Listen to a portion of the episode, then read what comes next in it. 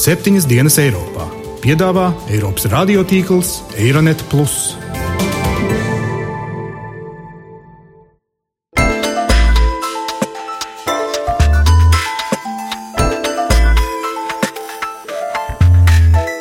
Шонедель 7 dienas Европа дзирдēsim. Я принял решение скласти повноваження прем'єр-міністра України. Bet tam ir jādzīvo vairākus mēnešus tādos apstākļos, kas ir vienkārši visprimitīvākā telpa un dubļos.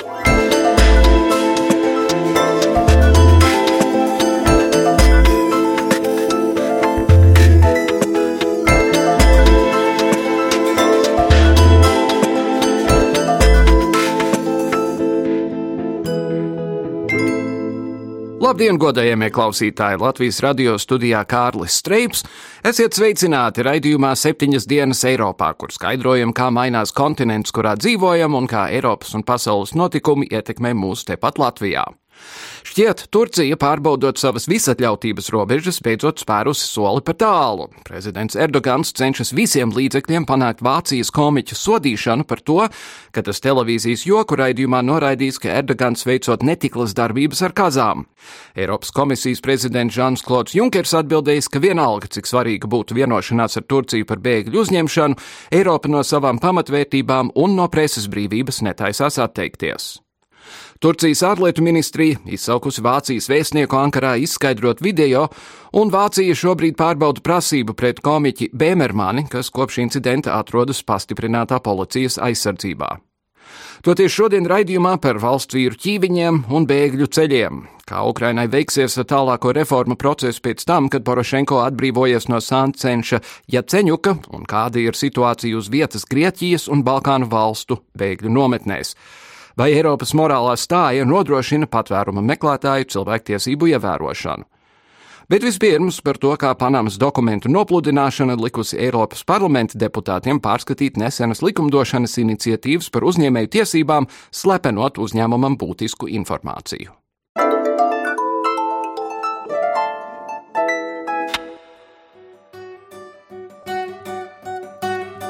Pēc nesenā Panamas skandāla Eiropas komisijas ierosinātā direktīva komercnoslēpuma aizsardzības veicināšanai ir radījusi bažas Eiropas parlamenta deputātu vidū. Jaunā direktīva radīta ar mērķi mazināt negodīgu konkurenci un komerciālo spiegošanu uzņēmumu starpā. Savukārt tajā nav skaidri definēts, ko tieši var uzskatīt par komercnoslēpumu un ko nē.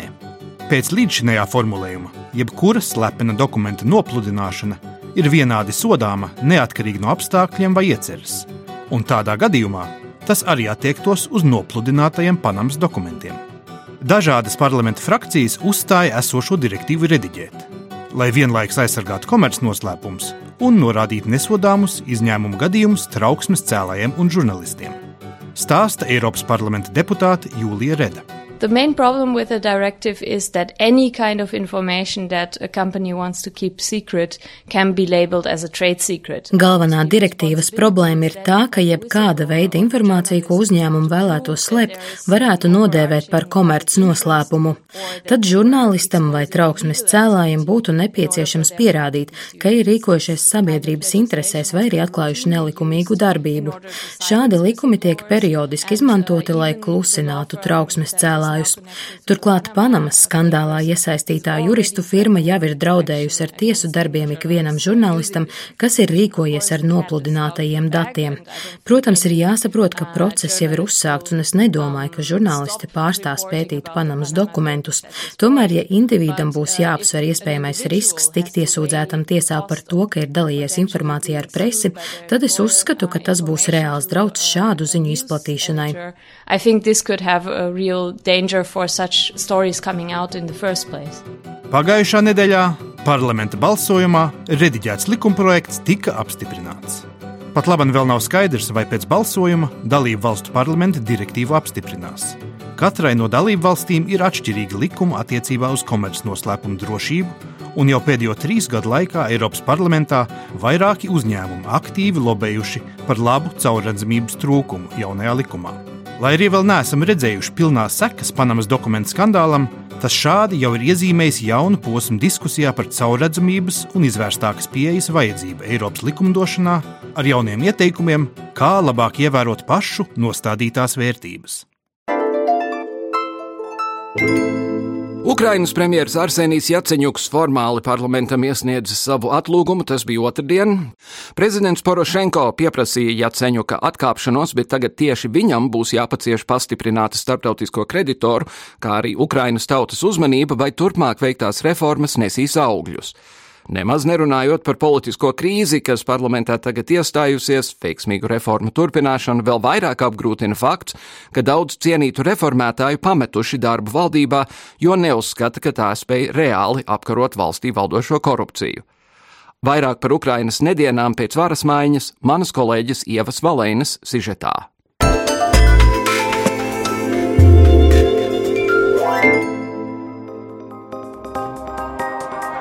Pēc Eiromaidana revolūcijas un prezidenta Viktora Janukoviča atstādināšanas Ukrainas premjera krēslu ieņēma Arsenijs Jāceņuks.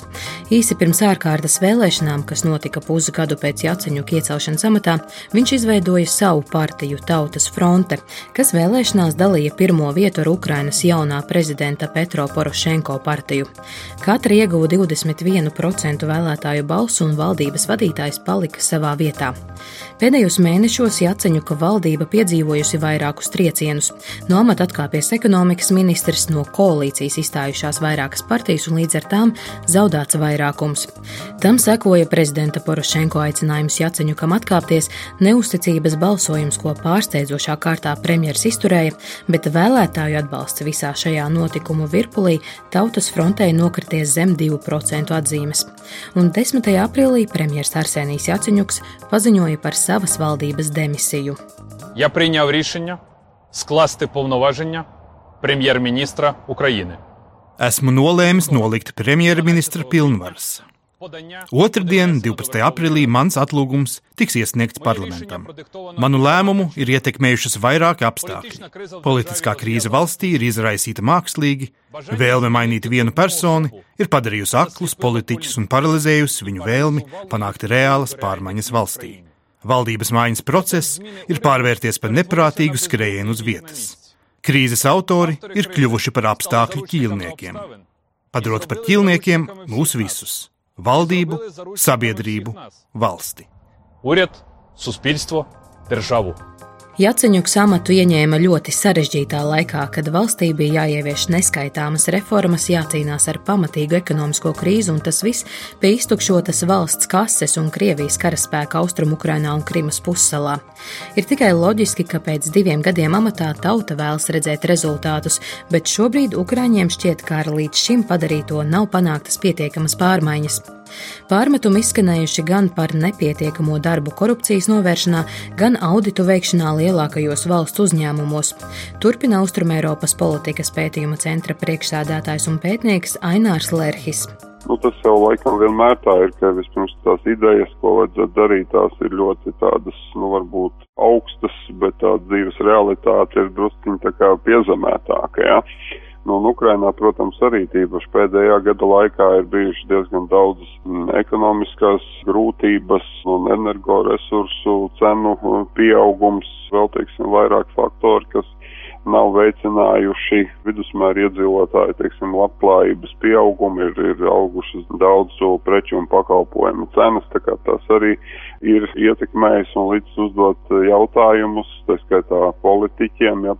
Ukrainā pašlaik arī notiek eh, dekomunizācijas process, tad ir kaut kādā mērā notiek šis lustrācijas process, ir kaut kāda sabiedrības daļas varbūt neapmierinātība ar šiem jautājumiem.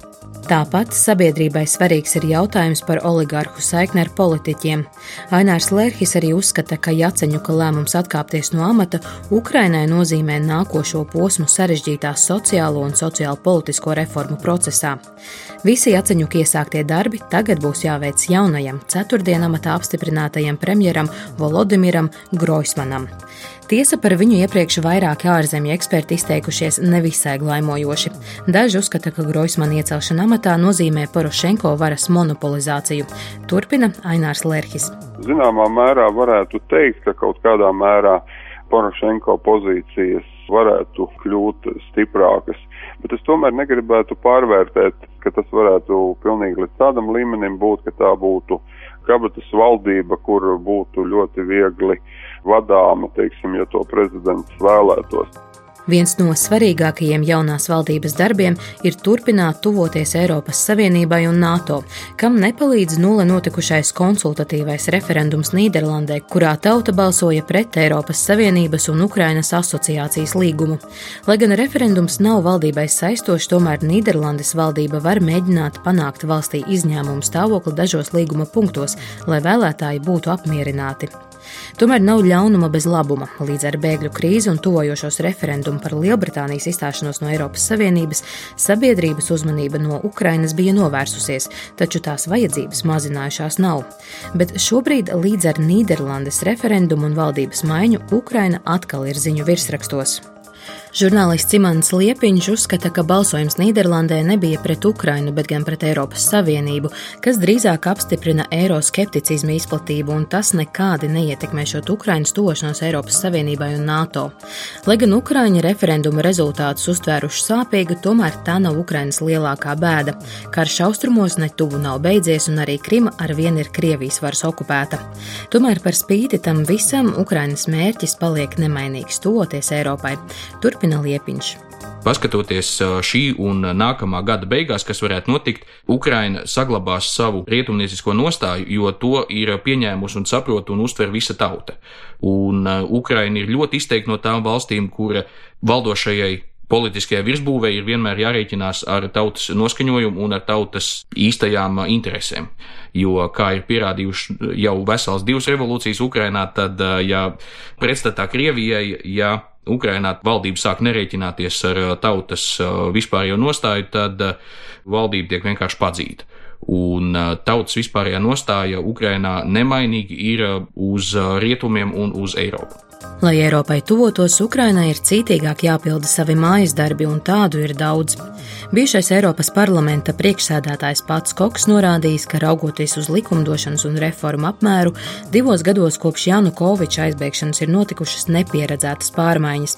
Vērtējot Ukrainas neatkarības 20 gadus, ir paveikts ārkārtīgi daudz, tomēr joprojām ir milzīga neapmierināta vēlme pēc dziļākām pārmaiņām. Uzrunā pirms balsojuma par jauno valdību Groismans kā galvenos trīs draudus Ukrainai nosauca korupciju, valsts pārvaldes neefektivitāti, populismu, un viņš sola parādīt, ko patiesībā nozīmē vadīt valsti. Cerams, ka jaunais premjeras cīnīsies ar pirmajām divām problēmām un nesaslims ar trešo - populismu. thank you Vācijā ierodas ar vien mazāk patvēruma meklētāju. Ja janvārī tika reģistrēti 90 tūkstoši, februārī skaits bija 60 tūkstoši, martā vairs tikai 20 tūkstoši. Vācijas iekšlietu ministrs atzīnis, tas ir tāpēc, ka Balkānu ceļš migrantiem tagad ir slēgts. Toties eksperti brīdina, ka visdrīzāk patvēruma meklētāju plūsma tagad meklēs citus ceļus, kā iekļūt Eiropas cietoksnī. Šobrīd šķiet, nākamie maršruti varētu iet caur Lībiju un Ukrainu. Lai pastāstītu mums, kā šobrīd Balkānu valstīs un Grieķijā sokas ar patvērumu meklētāju, meklētāju cilvēktiesību ievērošanu un kāda ir patiesā situācija patvērumu meklētāju nometnēs, studijā esam aicinājuši ANO bēgļu aģentūras publiskās informācijas un ārējo sakaru speciālisti Lieni Veidi. Labdien! Labdien! Kā tad ir tajās nometnēs, cik var spriest no televīzijas kadriem vietām diezgan briesmīgi? Tā arī ir. Tik tikko atgriezos no Grieķijas, Grieķijas ziemeļdaļas, un, un ko Viņa nav oficiāla nometne, ir uh, sauc Idomeni, tur maziņš ciematiņš ir Idomeni, un blakus ir tieši tāda tā kā neoficiālā nometne, un var godīgi pateikt, ka pirmajā dienā, kad es tur aizbraucu, es biju ļoti šokēta, un nestoties to, ka savā pieredzē strādājot ar bēgļiem un ANO bēgļu aģentūrās divus gadus pavadīju Irākas ziemeļdaļā, tad redzot to, kādos apstākļos bēgļiem ir jādzīvo Grieķijā, kas ir Eiropas Savienības sastāvā, Un ilgstoši turklāt bija ir smagi patiesībā, ja godīgi teikt, tad bija ļoti smagi, jo ja arī apzināties to, ka es kā Eiropas Savienības pilsonis es varētu teikt, nu, cēlā ziņā atbildīgi arī par to, ka ir cilvēki no citām valstīm, kuriem ir jādzīvot tādā situācijā. Mm -hmm. un, un kas tie cilvēki ir? Nacionālisti mēģina mums iestāstīt, ka tie ir lielākoties gados jauni vīrieši, kuriem vajadzētu palikt mājās, bet, bet patiesībā tur ir arī veci cilvēki un sievietes un bērni, vai ne tā? Patiesībā pat labāk, jo īpaši es, nu, lielāko laiku pavadīju tieši Idomenī ļoti daudz bērnu. Ļoti daudz. Ģimenes, kas nozīmē, ka nu, lielais vairums ir ģimenes, jā, ir, ir arī vīrieši, bet Vīriešu jautājums tāds diezgan strīdīgs, jo tas, ko rāda varbūt uh, televīzijā un, un izskatās, ka tie ir jauni vīrieši, bet ir patiesībā var izrādīties, ka viņi ir 16, 17 gadus veci puiši, kur patiesībā pat nav pilngadīgi. Bet to jau ANO bēgļu aģentūra un pārējie, kas tur strādā uz vietas, jau pirms kādu laiku jau teica, ka arvien vairāk un vairāk parādās tieši ģimenes un starp iebraucējiem, ka varbūt tie jaunie vīrieši bija tikai pašā sākumā. Un kam ir arī otrs, ir iespējams, ir izskaidrojums, ir tāds, ka daļa, kur varēja atļauties, tieši tā arī darīja, ka vīri bija pirmie, kas brauc, jo ar to domu, ka viņi tā kā nostabilizēsies un pēc tam paņems pie sevis arī ģimeni ar bērniem. Ja, protams, ir divi varianti. Viens variants, ja tā ģimenei viņi dzīvo drošā vietā, viņi var, var nosacīt drošā vietā, var atļauties tur palikt, vai arī tā sieva ar bērniem ir pie kaut kādiem radiem kaut kur nebūt pusceļā varbūt palikuši. Mm -hmm. Amerikā ir, ir pēdējos gados piefiksēts tas, ka diezgan bieži no Meksikas ģimenes sūta bērnus, reizēm diezgan mazus bērnus, ar domu, ka tos jau pieņems un, un tā tālāk. Vai ir iemesls domāt, ka tas notiek arī no tuvajiem austrumiem? Šādi gadījumi ir ne tikai no tuviem austrumiem, bet arī no, no Afganistānas un no, no, no Pakistānas un no, no, arī no turienes. Jā, tam apakšā tā teikt ir, ir izteikts ekonomiskais iemesls, ja visi ģimeņi nevar atļauties beigt, tad ir diezgan tā teikt, varētu teikt, nežēlīgs lēmums jāpieņemt un ir jāizdomā, jāizlem, kurš, kurš varētu tikt tālāk, kurš to ceļu spējas paveikt. Un lielā, lielā vairumā gadījumā, jā, tie ir, tie ir jauni, jauni puiši un, un tie ir bērni, meitenes pamatā gan nav, meitenes ir diezgan reti, bet, bet bērni puiši, jā. Pats fakts kā tāds ir, ir, ir nežēlīgi, bet ir otrs ir, ka tiem bērniem viņi ir ļoti neapskaužamā situācijā. Viņiem ir, kā bērnam, ir ļoti grūti pieņemt jau kādi lēmumi, protams, nonākot tādā situācijā. Tad, nav ka, arī juridisku tiesību īsti. Nav, nav juridisku tiesību, bet ir, ko, kamēr es arī biju Serbijā, strādāju, novērojam, ka Un, kad sāk robežas, sāk pamazām slēgt ciet, jau bija vai arī neslēgt gluži robežas ciet, bet sāk vai, arvien vairāk un vairāk dažādi ierobežojumi, bija grūtāk uh, nokļūt tālāk. Un tiem bērniem viņiem bija, mums bija ļoti, nu, diezgan bija tādi, nu, smagi gadījumi, jo viņi jūt, ka viņiem, protams, ka tas, tā teikt, spiediens no ģimenes joprojām ir jūtams, viņi jūtās ļoti atbildīgi savas ģimenes priekšā, viņi tā kā, nu, apsolījuši vecākiem, jā, ka viņi darīs visu iespējamo, lai nokļūtu tajā galamērķī, un tagad pēkšņi viss mainās, un tad, ja ir bērnam ir kaut kā 13 gadi, tas, nu, tas nav pieaugušais, kurš var tādos apstākļos pieņemt racionālu lēmumu un izdomāt, ko darīt tālāk, un kad mm. tur patās ir pāris metru attālumā ir cilvēku kontrabandis, kur tikai to vien gaida, kā tā teikt, pelnīt naudu, un, un līdz ar to ir, kas ir, nu, arī mums ir tas viens no lielākiem satraukuma tādiem, tā teikt, iemesliem ir, ir tieši šie bērni vieni paši, kuri ceļo, un arī ģimenes, un sievietes ar maziem bērniem vientuļās, nu, tikai mātes ar bērniem, mm jo viņi tā teikt, tie paši neaizsargātākā cilvēku bēgļu grupa, kur momentā nonāk kontrabandistu rokās. Balkānu ceļa slēgšana tā ir viena lieta. Otra lieta ir šīs it kā līgums starp Eiropas Savienību un Turciju attiecībā uz neīstu patvērumu meklētāju sūtīšanu mm -hmm. atpakaļ uz, uz Turciju. Kā tas darbojas? Cik efektīvi tas ir bijis? Nu, darbos viņš kaut kā nebūtu iesaistīts vienošanās, un tie principi pamazām sāk darboties, bet uh, tā lielākā problēma ir tā, ka vienošanās tika noslēgta, un tas jau pirmie soļi tika veikti pirms tam, kad tika patiesībā izveidot funkcionāli labi strādājošu patvērumu meklētāju sistēmu, kas nozīmē, ka cilvēkiem īsti bēgļiem viņiem nav. Viņiem ļoti liels problēmas patiesībā iegūt informāciju, jo, nu, ANO bēgļu aģentūra, jā, mēs tur strādājam, mums ir mūsu partneru aģentūras vietējās, kas, nu, nevalstiskās organizācijas, kur strādā, bet, nu, turpat labam Grieķijā ir apmēram 50 tūkstoši bēgļu, no kuriem 46 plus mīnus ir tieši uz pamatzemes, ne uz salām. Mūsu darbinieku daudzums nav tik liels, lai mēs spētu visiem pilnībā, tā teikt, visu sasniegt, visu savus un visiem visu izstāstīt. Un tā ir tā lielākā šīs vienošanās problēma, ka Jo mēs esam dzirdējuši arī sūdzības arī no patēru meklētājiem, sakot, ka viņiem pat nav bijis iespēja patiesībā izteikt savu interesi un, un uh, izrādīt interesi, ka viņi var, nu, arī viņiem nav, nav bijis pietiekoši informācija, jo, kas ir otra problēma, ir tā, ka ir, ir ļoti daudz dažādu nostāstu pat labam, tur ceļo un, un gaisā virmo dažādas baumas vienmēr sakot. Varbūt par šo ceļu, varbūt par šo jā, ceļu. Jā, jā, un mhm. arī tas, ka, nu, ja jūs paliksiet šeit, tad jums būs vieglāk pieteikties patvērumu, vai arī tieši otrādi, ka vajag pārbraukt uz kaut kādu citu vietu nu, Grieķijā, un tur, tur savukārt būs vieglāk pieteikties patvērumam, un vai arī, ka ir no tās nacionālitātes, tad vispār neko nedrīkst izdarīt, un tāds ir ļoti, ko paši, nu, ir paliek patiesībā arvien grūtāk un grūtāk gan bēgļiem, gan arī, gan arī mums, kā darbiniekiem. Jo mēs arvien biežāk saskaramies ar bēgļiem, kur saka, viņi, ka mēs vairs neko nesaprotam. Ir tik daudz dažādu nu, cilvēku nāk un kaut ko stāst. Un, un, un, un, un, protams, arī tajā situācijā ņem vērā to emocionālo stāvokli un kam jau viņi ir izgājuši cauri. Pirmkārt, jau kam viņi ir izgājuši cauri savām dzimtenēm, mītnes valstī, pamatvalstī, pēc tam visam ceļam, kamēr no, nokļuvuši līdz Grieķijai, kas ir ļoti emocionāli smagi, protams, ne tikai fiziski grūti, bet arī emocionāli smagi, un pēc tam ir jādzīvo vairākus mēnešus tādos apstākļos, kas ir vienkārši visprimitīvākā telts un dubļos. Tas kopā ir tam veidos ļoti milzīgs emocionāls pārdzīvojums, un ja tādā stāvoklī ir jāpieņem nāk pieci dažādi cilvēki ar dažādu informāciju un jā, jāpieņem skaidrs un tiešs lēmums. To nav viegli nu izdarīt. Nu, ja tur tagad ir Grieķijā 50 tūkstoši cilvēku, vai tas nozīmē, ka attiecībā uz statusu noteikšanu, reģistrēšanu un visu pārējo ir tikai viena pati Grieķija atbildīga? Jā, jo interesi izteikt vēlmi meklēt patvērumu Grieķijā vai arī piedalīties šajā relokācijas programmā, kas ir, kas nozīmē, kur visas Eiropas Savienības valsts ir iesaistītas.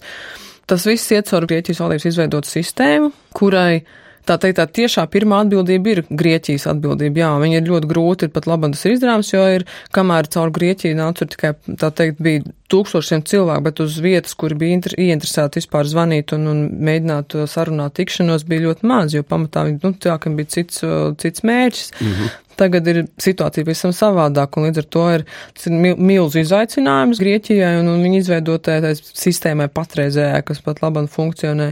Un, bet tad, līdz tāpēc teicu, ka primāri tā ir Grieķijas atbildība, bet pēc tam tā nāk arī Eiropas Savienības atbildība, un tas ir tas, ko arī mēs esam teikuši, kā ANO bēgļa aģentūra ir jāpalīdz arī Eiropas Savienības pārējām valstīm, ir iesaistīties šajā procesā, lai, lai un arī jāatbalsta Grieķiju. Tā ir Eiropas Savienība, tu nevar atstāt visu tikai vienai pašai Grieķijai vai arī vienai pašai Itālijai, mm -hmm. bet nu, šajā gadījumā konkrēti tieši Grieķijai. Un mēs šeit Latvijā mums jau ir veseli 22 bēgļi, un vienalga mūsu politiķi saka, nevajag vairāk. Jā, un kas man, man personīgi pat ir ļoti, ļoti ar tāds jā, sāpīgi ir un, un uh, ir, ir pavisam tā, varētu teikt, pavisam savāda pieredze arī manā karjerā un darbā, jo, jo kā es teicu pirms tam, kad vēl, kad šis jautājums viss neskāra Latviju, tikmēr bija kaut kā arī man kā, kā darbiniekam bija varbūt iespējams vieglāk bija strādāt, esot Irākā un risināt tiem jautājumiem, tad es tā kā runāju, stāstīju, braucot uz Latviju, stāstīju, kur strādāju, ar ko es nodarbos, bet tur nebija tā īstā saikna, bet tagad Latvijas mēdījos un šur un tur dzirdot uh, ļoti izteiktu kritiku un, diemžēl, pat tādus rasistiskus izteicienus un, un, un milzīgu diskrimināciju ir vēl smagāk. Jā. Jo ir grūti un bez brīžiem paliek nu, tādu, nu, kāpēc tā, nu, mēs taču neesam tādi, mēs neesam tādi cilvēki patiesībā, nu, kā, kā tā var būt. Vismaz jācer, ka mēs tādi, ne, tādi neesam. Ko šī milzīgā nometne nozīmē vietējā mazā ciemata iedzīvotājiem? Ļoti daudz un dažādi, es domāju, jo viena lieta ir tā, ko, arī paši grieķi saka, un ne tikai tajā vienā cientā, bet arī citviet, ka tā ir savā ziņā tas ir tāds tā kā ekonomikas atbalsts, jo, nu, pēkšņi ir milzuma liels cilvēku skaits, un, un bēgļi ir tieši tādi paši cilvēki kā mēs visi, un, un ir tieši tādas pašas nepieciešamības un vajadzības kā mums visiem pārējiem. Un līdz ar to, protams, ka tajā mazā ciematā pirms tam bija pārdesmit cilvēku, varbūt pārsimt cilvēku vietējo, un pēkšņi tur ir pāris tūkstoši, kuriem ir tās ikdienas nepieciešamības un kuriem vēl ir kaut kādi iekrājumi palikuši, tad tas ir tāds tā kā finansiāls nedaudz, nedaudz atbalsta.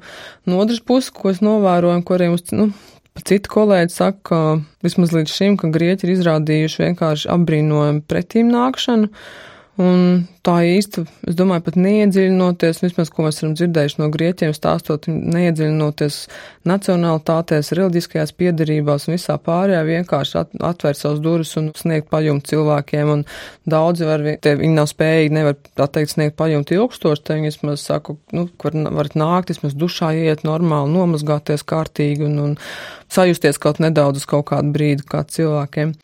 Bet uh, no otras puses, protams, arī ir milzs sloks, jo, nu, ja tas ir īstermiņā, tad tā ir viena lieta, bet ja tā ir ilgtermiņā, tad Grieķijai pat laban ar uh, Grieķijas ekonomisko situāciju. Protams, ka tas ir vēl viens milz, milz sloks uz uh, val, visas valsts un arī visu iedzīvotāju pleciem. Mm -hmm. Varbūt jūs kā latvieti varētu mācīt viņiem pirtis būvēt. ja, es labprāt, labprāt, lai gan pat labam tik, tikko vakardienā, kas bija vēl tur tajā idomenī, tajā nometnē, tur temperatūra dienas vidū jau bija, jau ir jau 33 ah. grādi, līdz ar to tas uh, pirtiešanas laiks, domāju, tur būtu diezgan īss. tas tā varētu, varētu būt, jā. Jūs teicāt teltis un dubļi. Es ceru, ka visā visumā tie cilvēki vismaz pabaroti un apģērbti. Jā, mēs kā no bēgļu aģentūra kopā ar saviem partneru organizācijām nodrošinām tieši tajā konkrētajā vietā ēdināšanu trīsreiz dienā, kas ir jau sagatavots maltītes.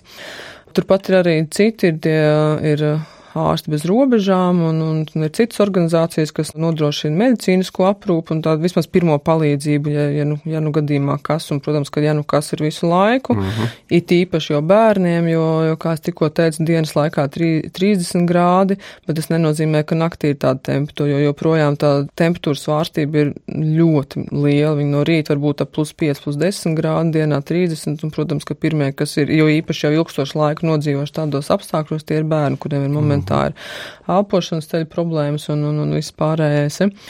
Tāpat arī gan mēs, gan citas organizācijas tur, kas nodrošina gan dal, izdala teltis, gan arī apģērbu un kaut kādas zeķes, apaus, un zeķes un apau ir, varētu teikt, ir numur viens, jo gan ir tie, kas ir nogājuši entos kilometrus, un, un, un gan arī tie, kas jau tur ilgstoši dzīvo, tas ir, nu, tā jau bija jau, kad es arī biju Serbijā, no, mēs zinām, kad ir tā pati nepieciešamākā lieta patiesībā. Jā, ja kājas dubļos visu laiku, tad. Jā, tieši tā, un tāpat arī, jo īpaši ziemā bija, bija pavisam skaudrs stāsts, bija cilvēkiem, kur bija gājuši entos kilometrus pāri kalniem pa sniegu ar visām no tā izrietošām sekām, protams. Ļoti daudziem bija vajadzīga akūta un, un tūlītē medicīnas palīdzība.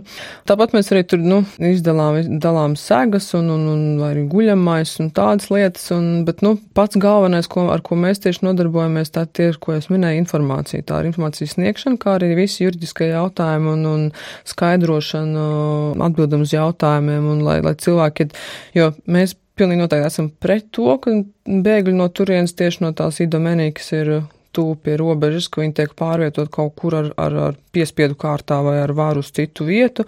Tāpēc arī mēs nu, visu stāstam, skaidrojam, lai, lai cilvēki var paši pieņemt to lēmumu un izdomāt, vai viņi ir gatavi pārbraukt uz citu, jo pat Lavan Grieķijas uh, valdība kopā arī ar Grieķijas armiju un mūsu aģentūru un citiem pārstāvjiem uh, veido jaunas, tā teikt, organizētas oficiālās bēgļu tādas tā kā pagaidu nometnes, bet, nu, kur jau tie apstākļi ir, uh, jau ir daudz labāk, viņi jau ir jau tādi, jau vismaz jau ievēroti humanitārie standarti, attālums starp teltīm un, un, un, un visi higienas aspekti un, un vispārējais. Mm -hmm. Vai jūs paredzat to dienu? Šad tad ir redzēti skati, kur, kur pulcējas pāris simts cilvēki pie tās sētas, un otrā mm -hmm. pusē stāv, stāv acīm redzot zaldāti vai policisti mm -hmm. vai kaut kas tāds. Vai jūs paredzat to, ka tas varētu aiziet tik tālu, ka viss tas pūlis mēģinās kaut kādā brīdī mesties tam sētām virsū? Es ļoti ceru, ka nē. Bet, diemžēl, tik, tikko iepriekšējā pagājušā nedēļas nogalē jau bija briesmīgi skati. Bija daudz cilvēku, tā kā nu, iesākās ar pārunām, bet pēc tam, diemžēl, jā, no abām, no otras puses tur jau tik asargāzi bija un, un, un, un gumijas lodes un vispārējais, kas, nu, vardarbība jebkurā veidā un šāda veida rīcība neatrisinās nevienu situāciju, un, un tas ir nožēlojami, ka tā tāds var vispār var tiek darīts mm -hmm. un, un, un notiek, jo Mēs arī to ļoti labi pēc tam varējām redzēt cilvēku sejās, un arī daudz pēc tam teica, ka, nu, viss jā, ka jābrauc, jāmeklē kaut kas cits, jo viņi vairs nejūtas, cilvēki vairs nejūtas droši, un tas liekas tik. Ja bērni tāpat jau naktīs jau mostās augšā dēļ murgiem, dēļ tā, ka viņi jau visu laiku murgos dzird bumbas kā sprākst un, un, un, un, un šaušanas, un, un tagad viņi atrodas Eiropas Savienībā un gaida, kad varēs pieteikties uz patvērumu un pēkšņi atkal tiek šauts.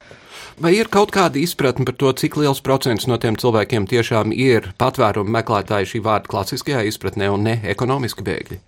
Mūsu plus-mínus apsvērums, ko, ko mēs domājam, tie varētu būt uh, aptuveni 85% to cilvēku. Un uh, lielais vairums ir, absolūtais vairums, tā teikt, ir no Sīrijas, pēc tam otrā, otrais, otrā vieta, tā teikt, nāk ir Irāka, pēc tam Afganistāna un tad, tad arī citas valsts. Mm. Bet, mhm. nu, tas, ko mēs redzam un ar ko cik esam saskāršies, tad uh, apmēram tā. Vai šis ir tas gadījums, kur mums Latvijā vajag sākt kolekcionēt sēgas un kurpes un zeķes, ko sūtīt uz tām nometnēm? Es domāju, ka Latvijā bez zeķu un kurpu kolekcionēšanas varbūt vajadzētu vairāk solidarizēties un domāt par to, kā varētu palīdzēt šeit uz vietas Latvijā bēgļiem ja? un kā palīdzēt integrēties. jebkurš cilvēks, kurš nonāk jaunā citā valstī, ir vajadzīgs tās valsts arī atbalsts. Un es nerunāju par finansiālo atbalstu, bet uh, par emocionālo atbalstu un, un nedaudz saprast, no kurienes cilvēki nāk un parunāt, iedziļināties nedaudz, jo man tāds, tā teikt, divējāds varbūt izjūtas. No vienas puses gribētu teikt, ka būtu bijis fantastiski, ja nebūtu ANO bēgļu aģentūra un nebūtu, es nebūtu strādājis divus gadus Irākā. No otras puses, nesot reāliem un tādu pasauli, kāda viņi ir pat laban, pieredze, ko es tur gūstu, bija vienkārši milzīga un apbrīnojama, un, un lielākoties pateicoties bēgļiem un cilvēkiem, ar kuriem es sēdēju dien dienā teltīs, un mēs dzērām tēju un sarunājāmies, runājām par visu, ko. Un aktuāli pārsteigumu tie ir cilvēki. Tieši tā, tie ir cilvēki, viņi nav nolaidušies no kaut kādas nebūtu citas planētas, tie ir cilvēki, kuriem ir tādas pašas intereses un, un, un, un izjūtas. Un tas ir, domāju, ka tas, ko būtu jauki redzēt Latvijā, vairāk atvērtību un, un pirms kritizēt un pirms iebilst, varbūt nedaudz uzklausīt un, un kopā parunāties. Ja? Tā teikt, no jūsu mutes Nacionālās apvienības ausīs. Jūs teicāt, pirms raidījuma jums rīt būs seši gadi, kopš jūs strādājat no, no bēgļu aģentūrā. Ko jūs darāt, lai atkāptos no tām šausmām, ko jūs redzat? O, oh, ļoti labs jautājums. ja pavisam godīgi, tad tā īsti atkāpties neizdodas. Jo man, piemēram, kad es pārbraucu no, no Irākas un pēc tam nākamā darba vieta man bija Ženēva, tad var godīgi pateikt, man liekas, man kā divi mēneši pagāja, kamēr es tā teikt pārslēdzos, jo no pašā sākumā bija pilnīgs, man bija kultūra šoks un, tāds, lai gan zinu, zinu, kāda ir Ženēva un zinu, kāda ir Irāka, bet tas, to redzēt visu kopā ir diezgan tā pārsviesties no, no vienas realitātes uz otru diezgan, jā, bija sarežģīti.Ēc, nu, tā teikt, at, atslēgties no tā visa nav viegli, bet uh, man pilnīgi noteikti palīdz braukšana uz Latviju. Jo šeit ir mani radi, man ģimene, man draugi, kontaktu uzturēšana ar viņiem visu laiku. Kad es pat uh, beidzamās dienas Grieķijā, kad, nu, pusi dienas bez mazai, kad man bija kaut kāds mirklis, ik pa laikam, pa sekundē sarakstījos ar savu, savu draudzeni un, un runājām vienkārši par to, kā, kā būs, kad es atbraukšu uz Latviju un, un kur mēs aiziesim vakariņās. Un tie ir tādi, kas varbūt liekas, varbūt primitīvi, tāda sīkuma, bet tā ir reize, ka tas ļoti, ļoti, ļoti palīdz. Un tādas pavisam vienkāršas sarunas, kad jau domās jau pārsēties kaut ko citu, arī vēl man ir, kas man reizēm, tad, kad nav ar ko sarunāties, kas ļoti palīdz. Viens ir, kad es, laižoties lejā un, un Latvijā, ir ļoti labi skaisti redzam Latvijas zaļie meži, kas, man liekas, ir ļoti tādi spēcīgi un, un, un, un spēj stiprināt jebkuru un, un Baltijas jūru. Tā ir tā, kas man vienmēr pietrūkst visur. Nu, gluži ne žurnālistiski sakot, paldies Dievam, ka esat tādi kā jūs, un lai Dievs svētī jūsu darbu. Paldies! Liena veida, paldies par sarunu! Paldies! Tev nebūs zakt kaimiņa bezvadu internetu. Šādu fatvu vai reliģisku likumu tikko izsludinājis Dubajas Islāma lietu un labdarības pasākumu departaments. Mēs septiņas dienas Eiropā priecātos, ja visas izsludinātās fatvas aprobežotos ar tik mums saprotamām lietām. Pagājušajā trešdienā valdības kontrolētajās Sīrijas daļās notika parlamenta vēlēšanas. Opozīcija šīs vēlēšanas nodēvēja par farsu un kārtējo reizi uzsvēra, ka valstī nepieciešams izveidot pārejas periodu valdību, kurai jāizstrādā jauna konstitūcija un jāorganizē godīgas vēlēšanas. Turpina žurnālists Andis Sedlanieks. Tas galvenais iemesls, kāpēc viņas notiek un notiek tieši šādā formā, ir fakts, ka uh, Sīrijas prezidents Bašars uh, Asads vēlas uzskatāmi nodemonstrēt, ka viņš joprojām ir figūra numur viens šajā valstī un ka bez viņa līdzdalības Sīrijas konflikta atrisinājums nav iespējams, jo viņš ir pārāk nozīmīga persona un uh, bez viņa vienkārši nebūs iespējams iztikt. Un uh, ir vēl trešais aspekts, tas ir jautājums, teiksim, par vēlēšanu demokrātiskumu. Jo formāli viņas ir demokrātiskas. Tur piedalās vairāk desmit partiju, ja dažādi grupējumi un pat neatkarīgie kandidāti, un tur notiek reāls priekšvēlēšana kaislības un cīņas. Bet tā visa problēma ir tur, ka visi šie cilvēki ir Bašarā atstada būtībā atbalstītāji. Jo ir arī dažas opozīcijas pilsētas, kas ir noslēgušas pamieru un kur arī notiek uh, šīs vēlēšanas, bet nu, tur viņas būtībā viņiem ir uz vispārējā fona maz izreidžu, jo valdības zemēs atrodas galvenokārt paša rastada atbalstītāji.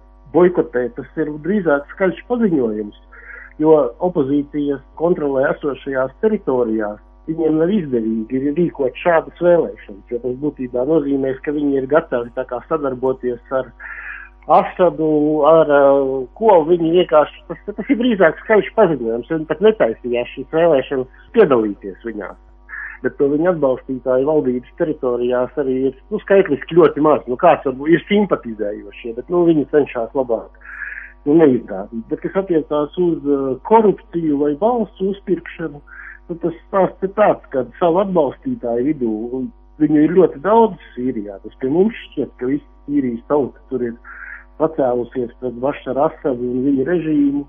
Patiesībā tā nav. Bašaru Asadu atbalsta lielākā daļa Sīrijas minoritāšu, neskaitot viņu pārstāvēto salavīti, kristieši, ja, aštīrieši, ļoti daudz dažādu etnisko kopienu, vietējo kopienu cilšu. Viņas visas ir par astadu, jo viņas redz astadu kā zināmā mērā stabilitātes garantu, un vēl ir fakts arī tas, ka astads viņš atbilst priekšstatiem par to, kādam ir jābūt īstam austrumu valdniekam. Ar to arī izskan šīs nedēļas septiņas dienas Eiropā. Paldies, dāmas un kungi, ka šonadēļ klausījāties. Mēs, protams, atgriezīsimies šajā pašā laikā atkal nākamnedēļ. Pagaidām visu labu!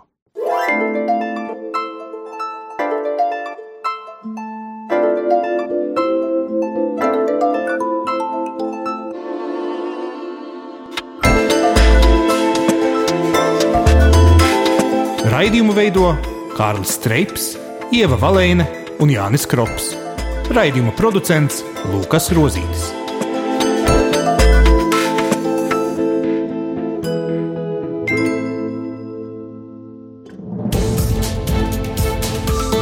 Visus Eironet plus sižetus un raidījumus meklējiet Latvijas radio mājaslapā.